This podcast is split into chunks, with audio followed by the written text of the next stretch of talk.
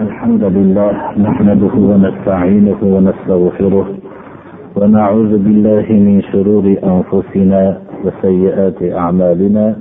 من يهده الله فلا مضل له ومن يضلل فلا هادي له. وأشهد أن لا إله إلا الله وحده لا شريك له وأشهد أن محمدا عبده ورسوله. أما بعد السلام عليكم ورحمة الله وبركاته.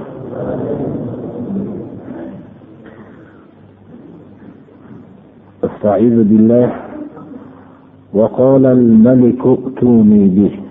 فلما جاءه الرسول قال ارجع إلى ربك فاسأله ما بال النسوه اللاتي قطعن أيديهن.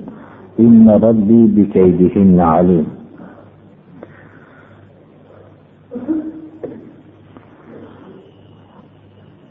Alloh subhanahu va taolo yusuf alayhissalomni zindondagi uzoq imtihondan chiqishligini iroda qildi. Bu uzoq imtihon ya'ni rabboniy tarbiya yusuf alayhissalomning kelajakdagi misr viloyatining juda ham bir og'ir muammosini o'zining ilmiy azaliy bilan azaliysi bilan bilgan misr viloyati va uning atroflaridagi bo'lgan og'ir muammoni hal qilishlikka sabab qilgan edi. Yusuf alayhissalom mana katta shunday misr viloyatidagi muammoni hal qilishlik uchun rabboniy tarbiyani uzoq bosqichini bosib o'tdilar. Lekin ollohning do'stlari ollohga qurbat hosil qilgan kishilar haqiqiy mo'minlar dunyoda kelgan davrni ya'ni biror bir xalqlar o'rtasidagi obro'ni haqiqiy obro' bo'lishligi bilan sharti bilan alloh subhanahu va taolo tarafidan o'ziga saodat deb bilishlik qatorida imtihon ekanligini esdan chiqarmaydi. Chunki dunyodagi bu davlat biror bir martaba olloh tarafidan saodat baxt bu unda shak shubha yo'q haqiqiy bo'lishlik sharti bilan. Ammo u insonning hayotdagi qilgan amallarining mukofoti emas. U mukofot oxiratda jannat bilan mukofotlanadi. Demak hayotning hammasi imtihon ekanligini mo'min kishi hech esdan chiqarmaydi. Alloh subhanahu va taolo bir kishini aziz qilsa saroydagi podshohni u agarki zindonda yotgan bo'lsa ham muhtoj qilib qo'yadi. Alloh subhanahu va taolo bir kishini xorlasa xalqlar ustidan zo'ravonlik bilan turgan obro'sini bir soniyada yo'qotib xorlaydiki uni dunyoning o'zida yashashlikdan tashqari o'limidan keyin ham xalqlar tarafidan malun bo'lib yashaydi o'ladi. Olloh tarafidan malun bo'lishligidan tashqari. Mana bu alloh subhanahu va taolo yusuf alayhissalomni aziz qilgan edi. Shuning uchun ham mana podshohni o'z ixtiyori bilan zindonga solgan podshoh shu zindonda yotgan yusuf alayhissalomga muhtoj bo'lib qoldi podshoh tushning tavilini elchi orqali eshitgandan keyin bu juda bir hikmatni tavil o'z ichiga olganligini ko'rgandan keyin bu yusufni meni oldimga olib kelinglar dedi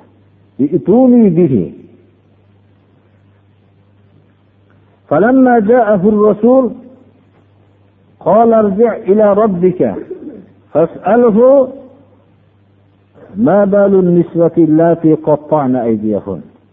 elchi keldi kim elchisi uyidan kelgan elchi emas zindonga zindonda yotgan kishiga kim bo'lishligidan qat'iy nazar bir shirin gapni gapirgan odam eng hurmat qilgan odam hisoblanadi. Buni zindonda yotganlar yaxshiroq tushunadi. Hayotda har qancha katta muruvvatlarni insonlar o'zaro bir birlariga qilingan muruvvatlarni qadrlashmaydi. Ammo zindonda yotgan kishiga bir oddiy bir so'z ham juda katta bir iltifot bo'lib qolaveradi. Shuning uchun ham elchining mutlaq o'zi bo'lishligi quvonch bildiradi. Ammo bu elchi kimni elchisi edi? Misr podshohini elchisi edi. Bu elchi kelganda bu yerda qur'oni karim u elchining podshoh chaqirayotganligi yo boshqa bu podshoh bilan kutib turganligini podshoh bu bayon qilinmayapti. Elchi kelib xullas bu xabarlarni albatta aytganligiga qur'oni karim sarih lafz bilan ko'ldalang bo'lmayapti. Qola irji ila robbika. Yusuf alayhissalom aytdilarki podshoh chaqiryapti degan vaqtda shu rabbingni oldiga qaytib bor dedi. Fasalhu u rabbingdan so'ra dedi. Rab kalimasini iste'mol qildi. Biz avvalgi darsimizda takror aytamiz bir kishi ollohni hukmini bajarayotgan bo'lsa olloh uning rabbi. Bir odam ikkinchi bir o'ziga o'xshagan insonning hukmini hayotida shu nizomga bo'ysunib yashayotgan bo'lsa uning rabbi shu shaxsdir.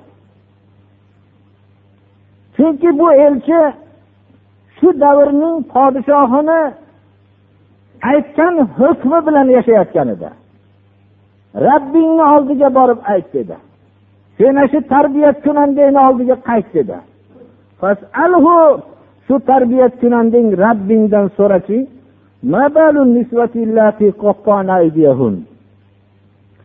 u kishi hayotidagi tuhmatni mashhuriga ishora qilib qo'ydilar. Aytdilarki qo'llarini menga ziyofat uyushtirishib meni fitnaga solmoqchi bo'lgan ziyofatda qo'llarini qirqigan ayollarning holi qanday? Ular mening haqqimda nima gumonda? Ana shu vaqtdagi menga qilgan tuhmatlarida turibdimi? Yoyinki ular meni pok odam deyishyaptimi? Shuni so'ragin dedilar. Yusuf alayhissalom zindonda turganlarida o'zlarining podshoh oldida uchrashishlikdan ilgari mana bu tuhmatdan meni pok deyaptimi odamlar? Yo shu tuhmatda turishibdimi? Shuni oldin so'ragin dedilar. Har qanday inson zindonda uzoq yotgandan keyin u podshoh tarafidan emas mutlaqo chiqishlikka izn bo'lganda o'zi quvonch bilan chiqib ketaveradi. Ammo rabboniy tarbiya yusuf alayhissalomni shunday tarbiya qilgan ediki podshoh chaqirayotgan vaqtida ham ochiq aytdilar shu rabbingni oldiga bor dedilar. Va tashqariga chiqib bu tuhmatdan toza ekanliklarini ma'lum bo'lishi mumkin edi. Lekin unda o'zi ham harakat qildi degan yana bir boshqa bir tuhmat bo'lishligi mumkin edi. Zindonda turganda bu kishini tamomiy xalqning bu kishini pok deyishliklari haqiqiy pokliklariga dalolat qiladi shuning uchun birinchi shu narsani so'radilar. Meni robbim ularning tadbir makrlaridan xabardordir makrlarni biluvchidir dedilar. Ya'ni robbim dedilar alloh subhanahu va taolo. Chunki yusuf alayhissalom ollohning nizomiga bo'ysunib yashardilar. Shuning uchun robbim deb ollohni aytdilar. Bu elchi bo'lsa u podshohning nizomiga bo'ysunib yashardi. U seni rabbingni oldiga bor dedilar. Qur'on bu iborani takror aytyapti. Rabbing va rabbim deyapti. Mana bu kalimani nihoyatda bizning musulmonlar o'zining e'tiqodli degan musulmonlar mana bu kalimaga diqqat bermoqlari kerak.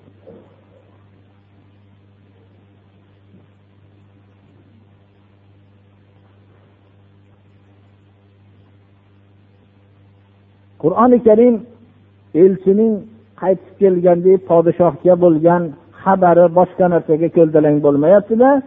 Qisqa uslubda podshoh bu tuhmatni haqiqatini tekshirishlik uchun albatta bunday o'rinda bir o'zini qo'lidan kelganicha tekshirganligi va ularning hammalarini jamlab ziyofatda ishtirok etgan ayollar va o'zining oilasi hammasini vazir bu bu o'zining oilasi boshqalarni hammasini jamlab ularga savol qilganligini bizga bildiryapti. Ya'ni sizlar yusufni nafsidan talab qilganliginglar aniq muqarrar bo'ldi. Shu vaqtda sizlar unga nisbatan nima holatdasizlar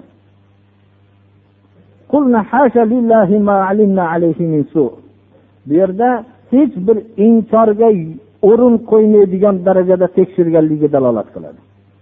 Ya'ni olloh saqlasin uni. Biz uni unda biror bir yomonlikni bilganimiz yo'q dedi. Hali bu tuhmatdan tashqari ham mutlaqo bir yomonlikni bilganimiz yo'q dedi. Minsu kalimasi nafiydan keyin kelyapti. Bu mutlaqo yomonlik yo'q ekanligini. Undan tashqari min su min kalimasining ziyoda bilan kelyapti. Yomonlikdan ba'zi bir narsa ham yo'qligiga ishora qilyapti. Mutlaqo yusufni ustida biror bir yomonlikni tuhmat qilayotgan odamlar ham topolmaganligi bu yusuf alayhissalomning nihoyatda bir pok hayotlari bo'lganligiga dalolat qiladi. Bunchalik haqiqat ochilib turganda imroatul aziz podshohning vazirini ayoli bu ham endi haqiqatni ochishlikdan tortinmadi. Hasal haqqu. Endi haq ochiq zohir bo'ldi. Zahara kalimasini qur'oni karim has hasa kalim fe'li bilan kelyapti. Nihoyatda shiddatli harflar bilan. Haq mana hozir ravshan tiniq bo'ldi. Uni nafsidan talab qilgan menman dedi. Uning rostgo'yligida shak shubha yo'q dedi.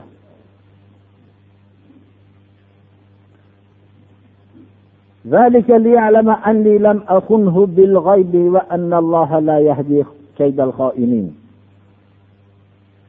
imroatul aziz ya'ni vazir ayoli bu o'zi bu yerda yusuf alayhissalomning haqiqiy mo'min ekanligini bilib g'ayb holatida bir kishiga xiyonat qilmagan odamni faqat mo'minlar bilishligini ham ishora qilyapti. Inson mo'min odamning sifati shunday bo'ladiki har qancha birov unga yomonlik qilsa ham u mo'minning o'zini yo'q vaqtida bu haq edi men nohaq edim degan so'zni yo'g'ida aytishligini mo'min odam ehtirom qiladi. Uning hurmatlaydi chunki bu g'aybda ham birovga xiyonat qilmaslik haqiqatda mo'min odamgina qadrlaydigan narsadir. Ammo boshqalarchi uni yana kamsitadi. Bu kalimadan azizning ayoliga iymon islom aqidasi kirib qalbiga kirib borganligiga ham dalolat qiladi. Men bu haqni oshkor aytishligim dedi azizning ayoli. Bilsinki yusuf men unga g'ayibda yo'qligida ham xiyonat qilganim yo'q. Mana bu o'rinda haqni tan oldim. Bu uni qadrlaydi bu so'zni eshitgan vaqtida uning yo'qligida ham unga xiyonat qilmaganligimni qadrlaydi shuni bilsinda undan tashqari xiyonatkorlarning makrini olloh unga najot bermaydi.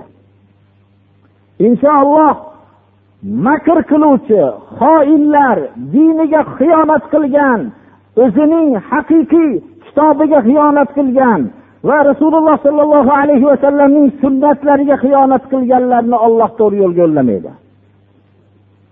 Bunda shak shubha yo'q. Iymon insonning qalbiga kirgan sari bu islom yo'lining albatta haq ekanligida shak shubha qilmagan odam albatta bu yo'lning haqligicha qoladi. Makkorlarning makri hammasi puch bo'lib qolaveradi. Mana uzoq vaqtdan beri butun islomga qarshi bo'lgan harakatlarning hammasi puch bo'lib qoldi birodarlar. Qani islom ulamolarining kirib tashlaganlar? Hammalari birortasi tarixda malun bo'lmasdan qolmadi. Hammasi malun bo'lib qolib ketdi.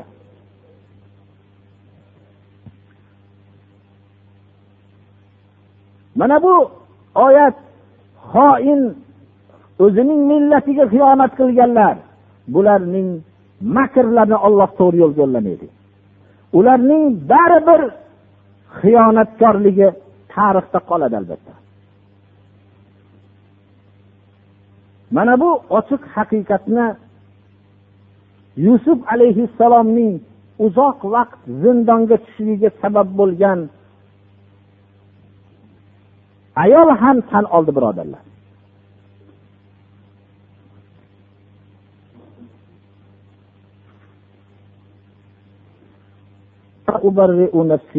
Men o'zimni nafsimni pok dedi. Nafs insonni yomonlikka juda ham ko'p suratda buyuruvchidir. Robbim rahm qilgan soatdagina shundagina inson nafsning buyrug'idan salomat qoladi robbim gunohlarni kechiruvchi va rahmdil zotdir dedi. Tafsirlarning ko'plari mana bu hozirgi aytgan ma'no beriladi. Ba'zi tafsirlarda imom movardiy o'zlarining tafsirlarida bu kalimani yusuf alayhissalomning so'zlari deydilar. Alloh subhana va taolo yusuf alayhissalomning so'zlarini hikoya qilib olib kelyapti deydilar. Ya'ni undan ma'no shu bo'ladiki men bu zindondan dedilar yusuf alayhissalom chiqmasdan turib o'zimning pokligimni isbotlashligim men bu azizi misrning ayoliga xiyonat qilmaganligimni g'ayibda ham uning uning saroyida yurib men uni ko'rmagan soatlarda ham unga ayoli haqida xiyonat qilmaganligimni bilsin deb bu haqiqatni zindondan chiqmasdan oshkor bo'lishligini talab qilyapman dedi. Xiyonatkorlarning makrini alloh taolo mana xiyonatkorlarning xiyonatini makrini olloh ularga g'alaba bermasligini bilib qo'ysin. Uzoq vaqt meni zindonga solsa ham har qancha qiyinchiliklar bo'lsa ham baribir ularning makri makrligicha qoldi. Mening haq ekanligim isbot bo'ldi. Shuni bilsin. Shuning uchun shu yerda turib shu narsani isbotladim. Dedilarda bu keyingi kalima ham yusuf alayhissalomning so'zlari dedilar. Men pokman demayman men o'zimni pokman demayman u mening qalbimda bir yomon boshqa narsa kelmadi deb aytolmayman. Nafsni hech poklab bo'lmaydi. Chunki nafs doim yomonlikka buyuruvchidir. Magar rabbim rahm qilgan holatdagina nafsning yomonlikka buyurishligidan inson salomat qoladi. Mening rabbim gunohlarni kechiruvchi va rahmdil zotdir deb tafsir qiladilar. Qanday bo'lsa ham ikkov tafsir ham rivoyat qilingan.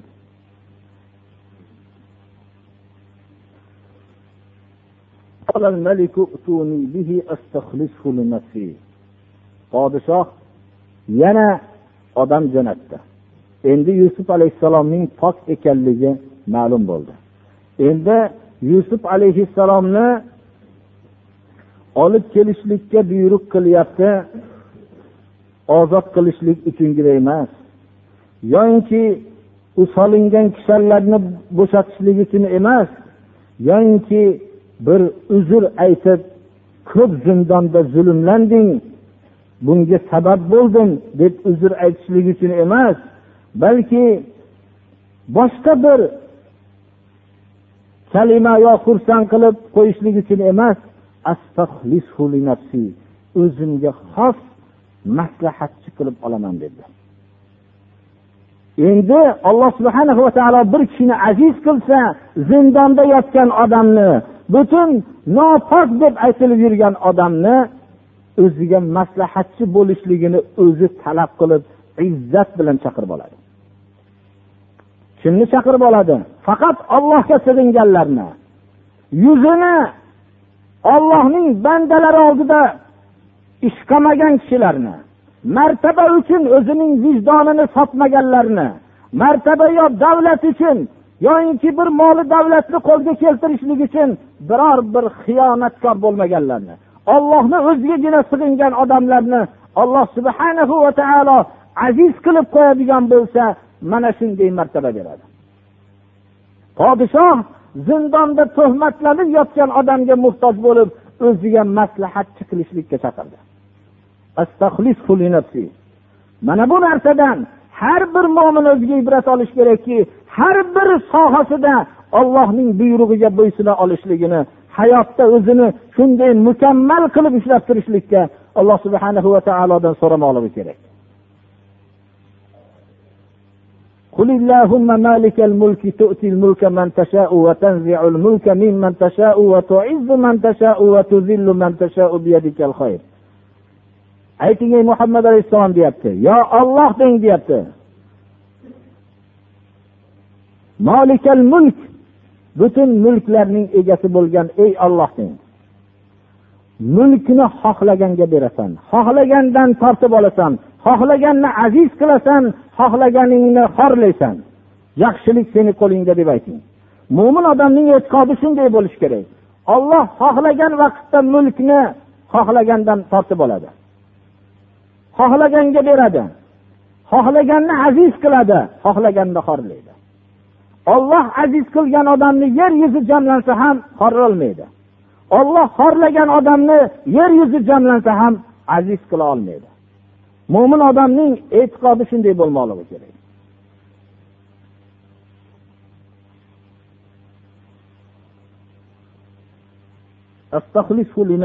O'zimga xolis odam qilib olaman. Ya'ni maslahatchi qilib olaman.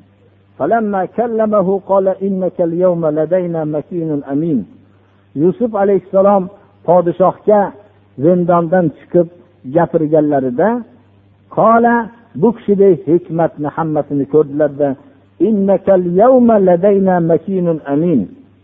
endi siz bugungi kunda ertadan emas biror yil sinab ko'ramiz emas hozirdan hozirdan makinun amin ladayna. Mana shunday podshoh saroyida.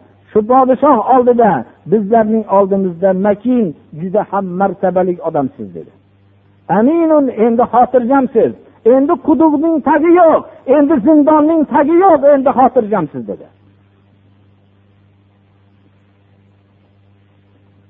Yusuf alayhissalom nima qildilar? Yer yuzining podshohlari mabodo biror bir falonchi deb gapirib qo'ysa sajda qilib yuboradigan darajada bo'ldilarmi? Yer yuzida biror bir hurmatli odam tarafidan biror bir kalima eshitganda o'zini yiqilib shu yerda o'zini butun hayoti bo'yicha faxrlanadigan bo'ldilarmi? Nima qildilar? U kishi shu vaqtda o'zlari uchun bir obro' talab qildilarmi? U podshoh aytib turibdiki manzilatli martabali xotirjam kishi hozirdan boshlab bizni oldimizda deydi agar yer yuzining biror kimsasiga shu gap aytilgan vaqtda hushidan ketib qolgan bo'lardi. Bu kishi vaqtni o'tkazmadilar. Xalqning katta bir xatar kutib turganligini xalqning serobchilik davridan keyin juda katta bir ochlik xatari kutib turganligini bildilar. Vaqtni o'tkazmadilar keskin masalani hal qildilar. Yerning xazinalariga meni bosh qilib qo'ying dedilar. Inni hafizun alim. Men omonatlik yerning xazinasini saqlovchi tabiatli kishiman va omonatli kishiman dedilar. Va biluvchi kishiman qanday xazinani yo'lini boshqarishlikni biluvchiman dedilar. Ya'ni katta bir mas'uliyatni oldilar. Bir kishi birodarlar ochlik bu juda og'ir ish bu. Ochlik iqtisodiy tanglik uchragan vaqtda kaltak hammasi rahbarga keladi. Ammo iqtisodiy mamnunlik kelganda u rahbar sababli demaydi hech kim. Agar biror bir kishi sababli ko'p dunyo topgan bo'lsangiz shu kishi sabab bo'lib dunyo topdim demaysiz. Ammo shu kishining maslahati ishorasi balki og'zidan bir so'z chiqib ketgan edi shu so'zni qilganligi sababli iqtisodiy tanglikka moli davlatingizdan mahrum bo'lib qolsangiz mana shu odam meni molimni yo'qotdi deysiz. Davlat topgan vaqtingizda sizga katta maslahat bersa ham bu odam mening davlatman bo'lishligiga sabab bo'ldi demaysiz. Xuddi qubalar ham shunga o'xshagan. Mabodo bir kishining maslahati bilan biror bir qizingizni bir joyga uzatgan bo'lsangiz yaxshi saodatli bo'lib ketsa shu odam sabab bo'lgan deb demaysiz. Mabodo bir zarar bo'lsa shu odam meni majbur qilgan edi shu bilan shunday kunga qoldim deydi. Demak inson qiyinchilik bu ochlik bu eng og'ir musibatdir.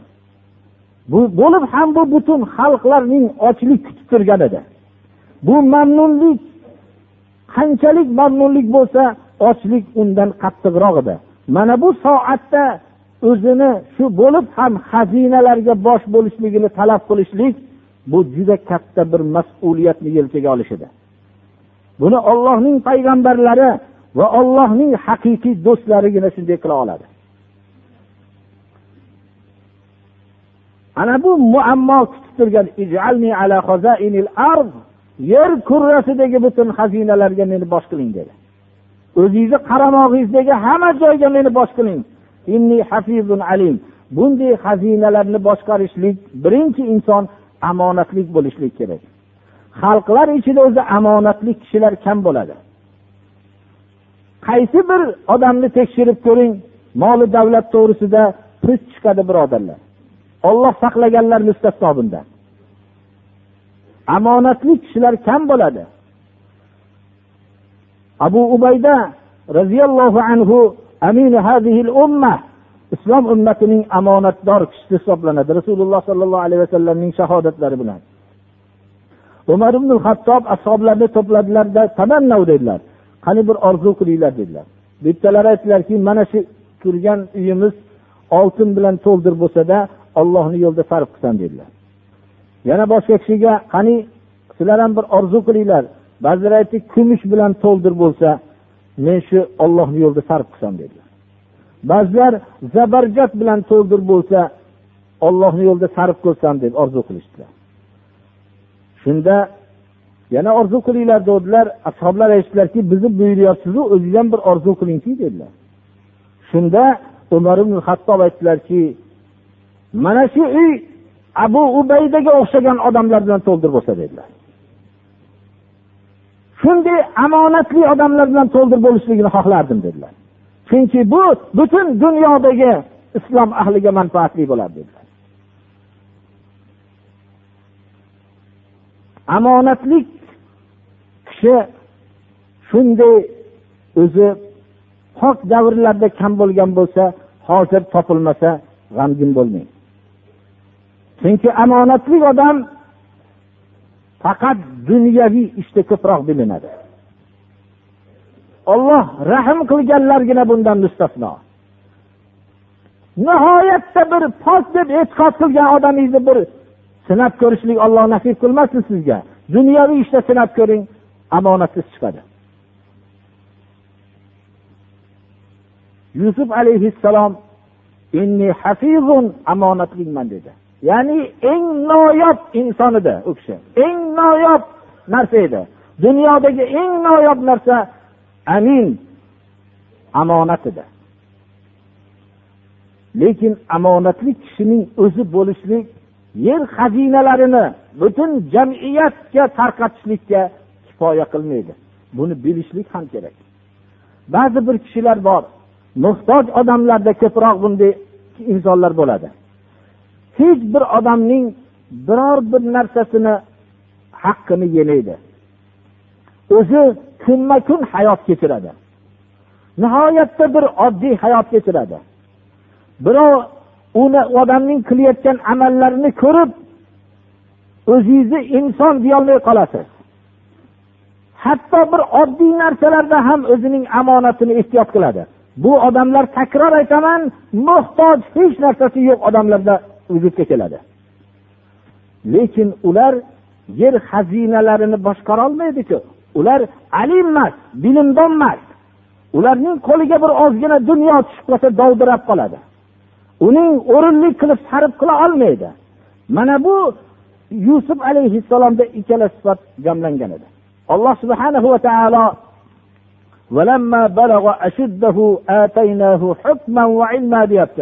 biz kamolot yoshiga yetgan vaqtda hukm hal qiladigan hukm va ilm berdik deyapti bu kishi nihoyatda ollohning shahodati bilan alim kishi edilar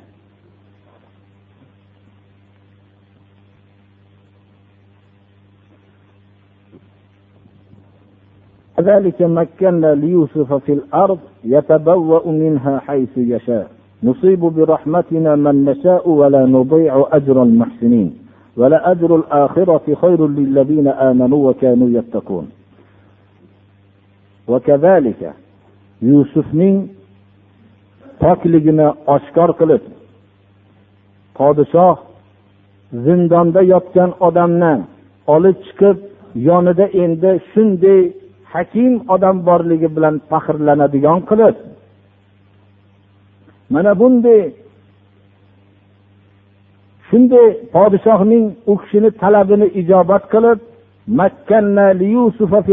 shunday katta ne'mat bilan berishlik bilan yusufni yerda manzilatlik martabalik qildik deydi alloh subhana va taolo.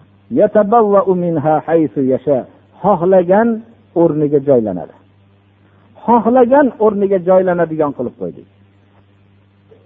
Endi quduqning tagidan zindonning ichidan xohlagan o'rniga o'rnashadigan qilib qo'ydik. Biz rahmatimizni xohlagan bandamizga yetkazamiz. Ixlosmand kishilarning mukofotini zoya qilmaymiz deydi alloh taolo. Kim dunyoda ixlos bilan amalini xolis qilib allohning rizosi uchun hayotda har bir amalini qilgan bo'lsa bu harakatlari zoye ketmaydi.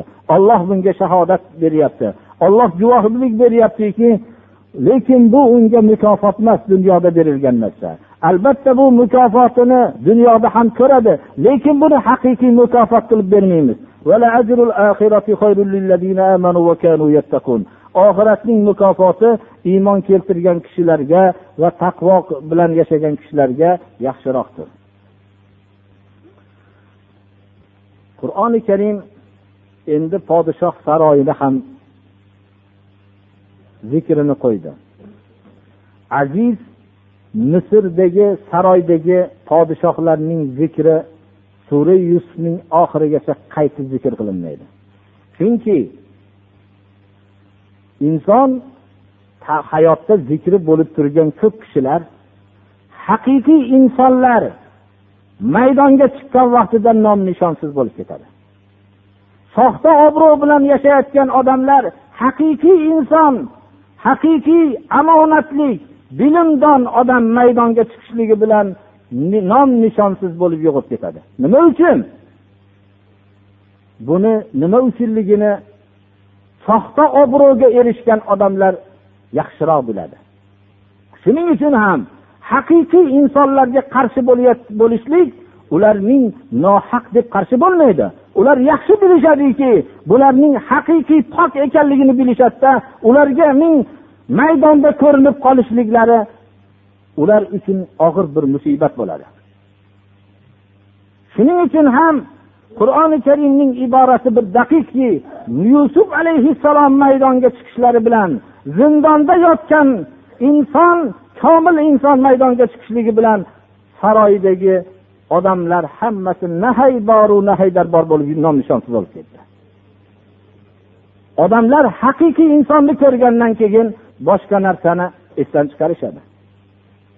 It hamakni shirin deb yeb yurgan odam asalni yegandan keyin it hamak esidan chiqib ketadi. Alloh subhanahu va taolo surada yusuf alayhissalomning dadalariga insonning tashna bo'lganligini u holat nima bo'lganligini hamma insonning tashna qilib turib mana bu olamdan xabar beryapti. Yusuf. Yusuf alayhissalom misr viloyatining eng xazinalarining rahbarlari bo'lib turibdi. U kishi davri mamnun davrlar o'tganligi va mamnun davrdan keyin qattiq bir ochlik ya'ni mamnun davriga ishora bo'lgan semiz yettita mol qattiq bir ocharchilikka ishora bo'lgan yettita ozg'in mol ocharchilik vaqti kelganligi bu ocharchilikning ta'siri misr viloyatining atroflarida kanon ya'ni yusuf alayhissalomning dadalari va akalari yashayotgan joylargacha ochlikning qattiq ta'siri bo'lganligi va yusuf alayhissalomning tadbirlari bilan butun olamga shuhratlari ketib bu yerda misrda bir haqiqiy bir komil inson borki u ochlarning ta'minlab turgan juda ham tadbir bilan mamnunlik davrlarida hisob bilan bu serobgarchilik vaqtida xazinalarni to'ldirib qo'yib ochlarni xabar olib turgan komil insonning xabari kanon viloyatlariga yetib borganligi. Bu narsani qur'oni karim ochiq zikr qilmayaptida keyingi birdan kelgan kalimadan o'zimiz sezamiz.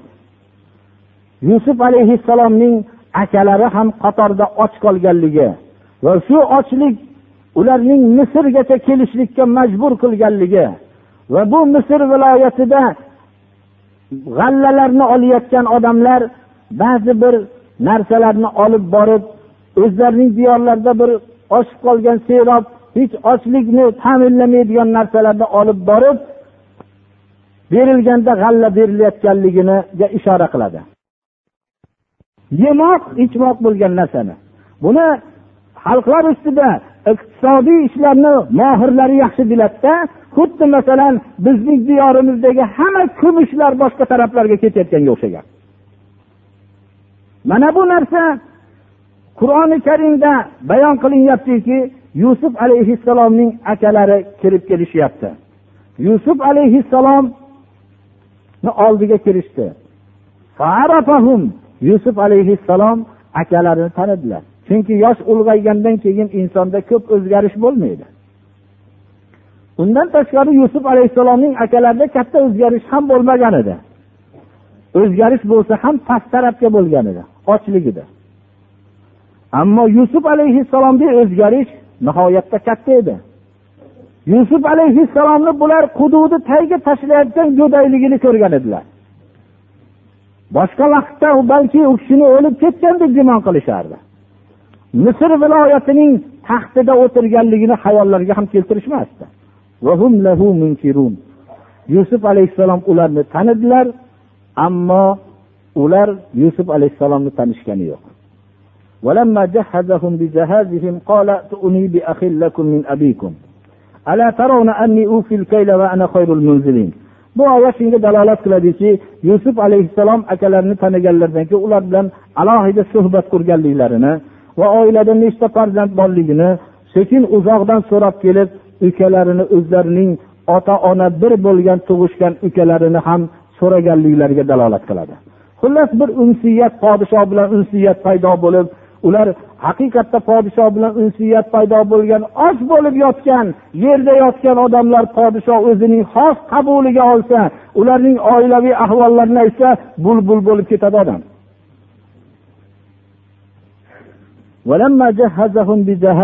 Ularning tayyorgarliklarini tayyorlagan vaqtlarida qaytib ketishayotganlarida aytdilarki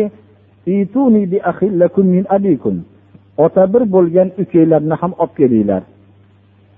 Unga ham men g'alladan ulush beraman dedilar. Mana ko'ryapsizlarki men sizlarga o'lchovni to'la beryapman. Mehmonni eng yaxshi kutuvchilardanman ekanligingizni ko'ryapman. Sizlarga ko'rgan hurmatni unga ham ko'rsataman.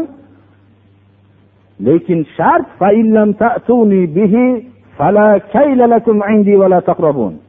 agar shu ukanglarni olib kelmasanglar olib kelishlik xohlasanglar olib kelib xohlamasanglar olib kelishma. Agar olib kelmasanglar meni oldimda sizlarga hech qanday g'alla o'lchovi ishlatilmaydi dedilar. Menga yaqin ham kelmanglar dedilar.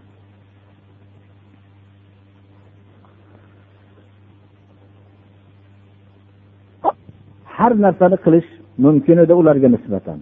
Ammo yusuf alayhissalomning ota bir ukasini yaqub alayhissalomdan olishlikni qiyinligini yaxshi bilishardi.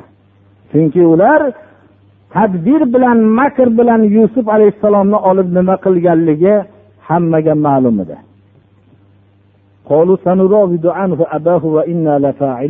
Lekin u yerda olib kelolmaymiz deyilsa qo'qqisdan olinayotgan narsa olinolmay qolishligini bilib hayot shunday bo'ladi. Inson ishini bitkazib olib turib bir gap bilan chiqib ketib olsam bo'ldi deydi. Lekin haqiqatga ishora qilishdi. U dadasidan qattiq bir talab qilib ko'ramiz dedi. Bu ishni biz qilamiz dedi. Qattiq talab qilib ko'ramiz dedi.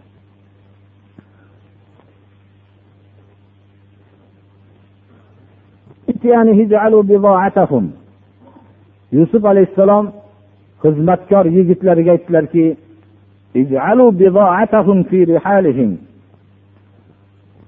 butun olib kelgan narsalarini olib kelgan narsalar teri yoki jun shunga o'xshagan bir o'zlarining diyorlarida serob bo'lgan ba'zi bir narsalarni ko'tarib kelishib g'allaga almashtirib shu bilan olib kelib ketishayotgan ishora bo'lyapti.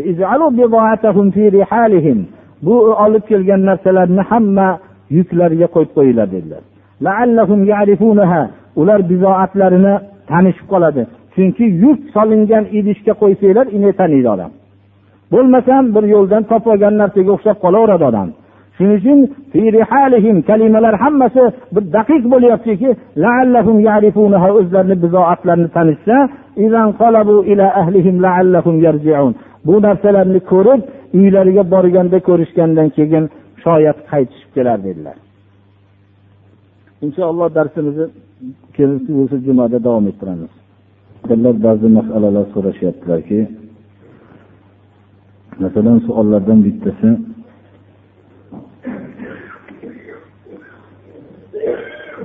Do'ppi kiymasdan namoz o'qisa namoz qabul emasmi? Bu ham birodarlar alloh taolo qur'onda har bir namoziylarda ziynatinglarni lozim tutinglar dedilar. Ziynat bilan namoz o'qishlik bu do'ppi bilan o'qish o'qimaslikka aloqasi yo'q birodarlar.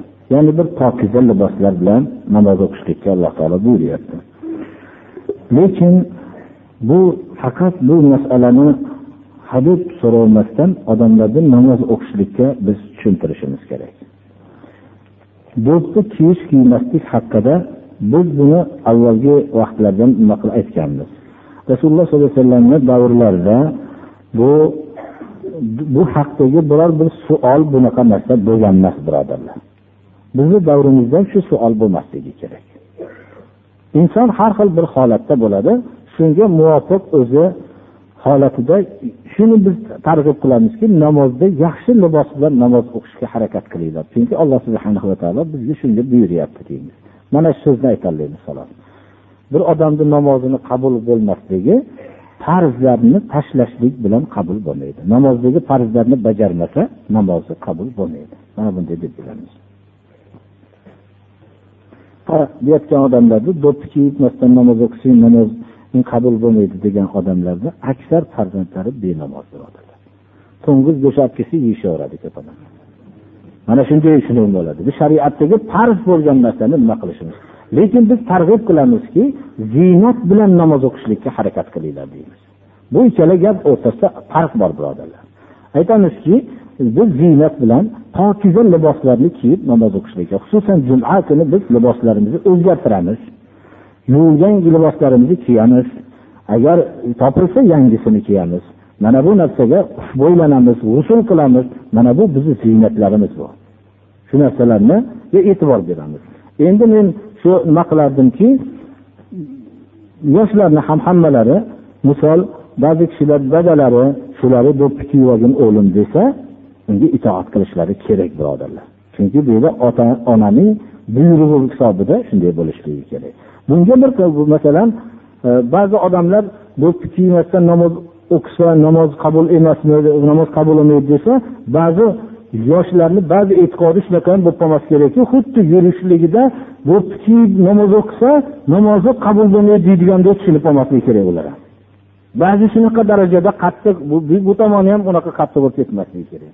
Bu haqda biz men bu javob berishni ham xohlamasdim ko'p shu savollar yozilganiga biz bu haqda bahs qilmasligimiz kerak. Faqat bahsimiz birovni buniki uniki deyishlikka emas biz aytaylikki rasululloh sollallohu alayhi vasallamning libos haqidagi sunnatlarni ihyo qilishlikka harakat qilaylik deydik payg'ambarimiz sollallohu alayhi vasallam tor jasadlarni sifatlaydigan kiyimlarni kiyishlikdan man qilganlar.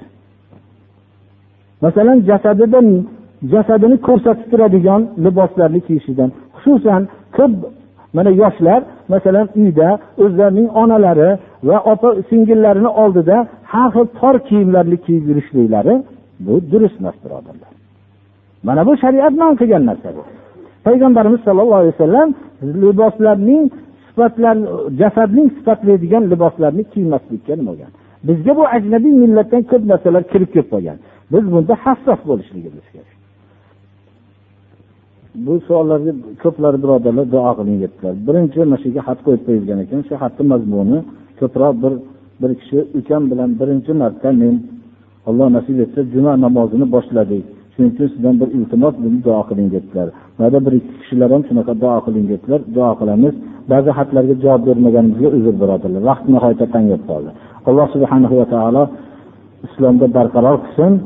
Alloh subhanahu va taolo bu kasallarga shifo bersin. Alloh subhanahu va taolo ilm talab qilayotganlarga alloh ilm bersin.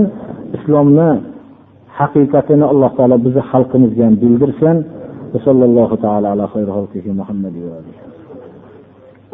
O'zimni sizlarni alloh subhanahu va taolodan taqvo qilishlikka vasiyat qilaman. Alloh subhanahu va taolodan taqvo qilishlik bu bir necha sifatlar bilan ya'ni islom buyurgan narsalarni qilishlik bilan qaytargan narsalardan qaytishlik bilan vujudga keladi. Shulardan bittasi da'vatdir. Alloh subhanahu va taolo rasululloh sollallohu alayhi vasallamni payg'ambar qilib jo'natganlik ne'matini zikr qilayotgan o'rinda إنا أرسلناك شاهدا ومبشرا ونذيرا وداعيا إلى الله بإذنه وسراجا منيرا doiy ekanliklarini qayd qilib o'tdi ey payg'ambar biz sizlarni biz sizni jo'natdik shohid ya'ni rasululloh sollallohu alayhi vasallamning butun islom ummatiga shohiddirlar. Butun u kishining amallari turishlari hamma harakatu sakanotlari islomning guvohidir. Bu kishining qilgan amallari islomning tirik gavdalangan shaklidir. Shuning uchun payg'ambarimiz sollallohu alayhi vasallam buyurgan sunnatlar qilgan amallari va huzurlarda qilingan amallar hammasi islomdan hisoblanadi. Ya'ni ba'zilari buyurganlarida murosasiz qilmoqligimiz kerak qilgan amallari buyurmasdan bunda albatta ajr bor. Huzurlarda qilingan vaqtda indamaganlari bu islomda ruxsat ekanligiga dalolat qiladi. Alloh subhanahu va taolo rasulini robbingizga chaqiring boshqa tarafga chaqirib mushriklar jumlasidan bo'lmang dedi. Ya'ni biz o'zimizni havoyi nafsimizga chaqirsak shirk amali qilgan bo'lamiz. Chunki o'zini havosini ilohi qilib olgan odamlarni ko'rmaysizmi ya'ni o'zining havoyi nafsiga o'zining fikriga chaqirgan odam havosini iloh qilib olgan. Abdulloh ibn abbos roziyallohu anhu aytdilarki al hava ilahun min dunillah. Havoyi nafs bu ollohdan tashqari ibodat qilinayotgan ma'bud ba'zi odamlarga dedilar. Demak alloh subhanahu va taolo havosiga ergashganlardan itoat qilmaslikka buyurdi.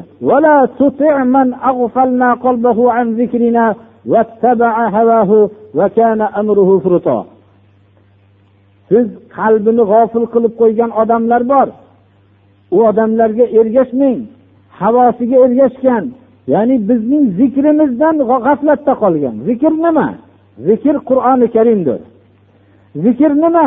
Rasululloh sollallohu alayhi vasallamdir rasulan kalimasida surai vallohu alam toloqda zikrul rasula deb zikr kalimasidan rasul kalimasini badal qilinyapti. Demak rasululloh sollallohu alayhi vasallamning yo'lini tutganlar ahli zikr. Bulardan so'rashlikka biz ma'mur bo'ldik. Ahli zikrlardan sizlar so'ranglar bilmasanglar deyapti alloh subhanahu va taolo demak biz mana bu o'rinda taqvo rab taoloni tarafiga chaqirishlikdir. Boshqa yo'llarga chaqirishlik bular hammasi shirk amallardir birodarlar.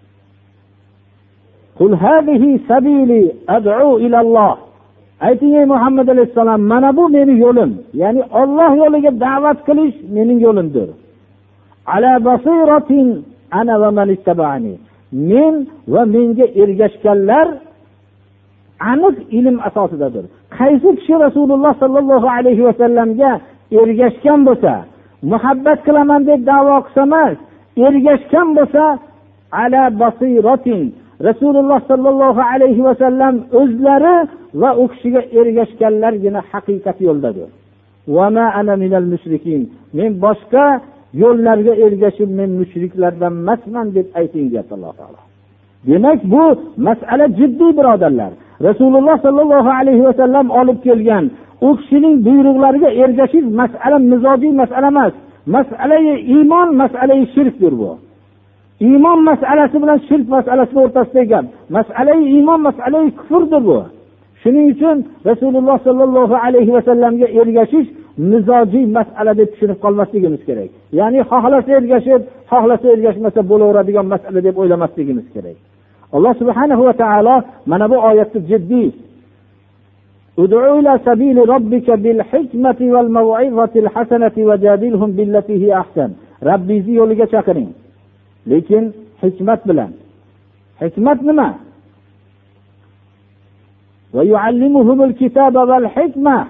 Bu hikmat kalimasi hammasi hadisga tafsir qilingan. Ollohni kitobini va hadisni o'rgatadigan ahli hadislar muhaddis ulamolarni hammasini ahli hikmatlar deb aytishlikka haqqimiz bor shu oyat bilan. Demak hadislar asosida odamlarni haq yo'lga chaqirmoqligimiz kerak. Hikmatning yana bu ma'nolardan bittasi albatta uning qalbiga kirish yo'lini bilmoqligimiz kerak. va chiroyli maizalar bilan chaqiring va agar siz bilan munozara qilmoqchi bo'lsa ham yaxshi bir uslubda munozara qiling rasululloh sollallohu alayhi vasallam aytdilarki hadislarning uzun hadislarni bir qismi أنا زعيم ببيت في ربض الجنة لمن ترك المراء وهو محق أو كما قال رسول الله صلى الله عليه وسلم kim janjalni o'zi haq bo'lib turib janjaldan voz kechsa men jannatning quyi qismidan unga qasriga kafilman dedilar. Shuning uchun ham biz miro janjallashmaymiz. Ammo munozara qilmoqchi bo'lsa yaxshi uslubda munozara qilishlikka ma'murmiz. Bu da'vatning yo'llaridandir. Alloh subhanahu va taolo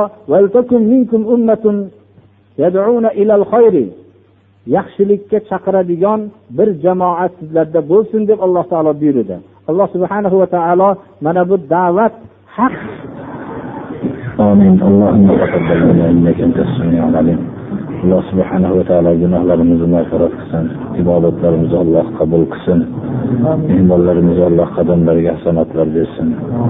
Islomga yordam berayotganlarga alloh yordam bersin. Zarar yetkazayotganlarga alloh kifoya qilsin. Sunnatga yordam berayotganlarga alloh yordam bersin. Sunnatga qarshi bo'layotganlarga alloh o'zi kifoya qilsin. Bizni shu duo qilishimizdan hozir boshqa ishimiz yo'q birodarlar. Alloh subhanahu va taolo ba'zi bir mana hozirgi hadisda aytilgandek janjaldan voz kechgan bo'lsa o'zi haq bo'lib turib jannatni quyi qismidan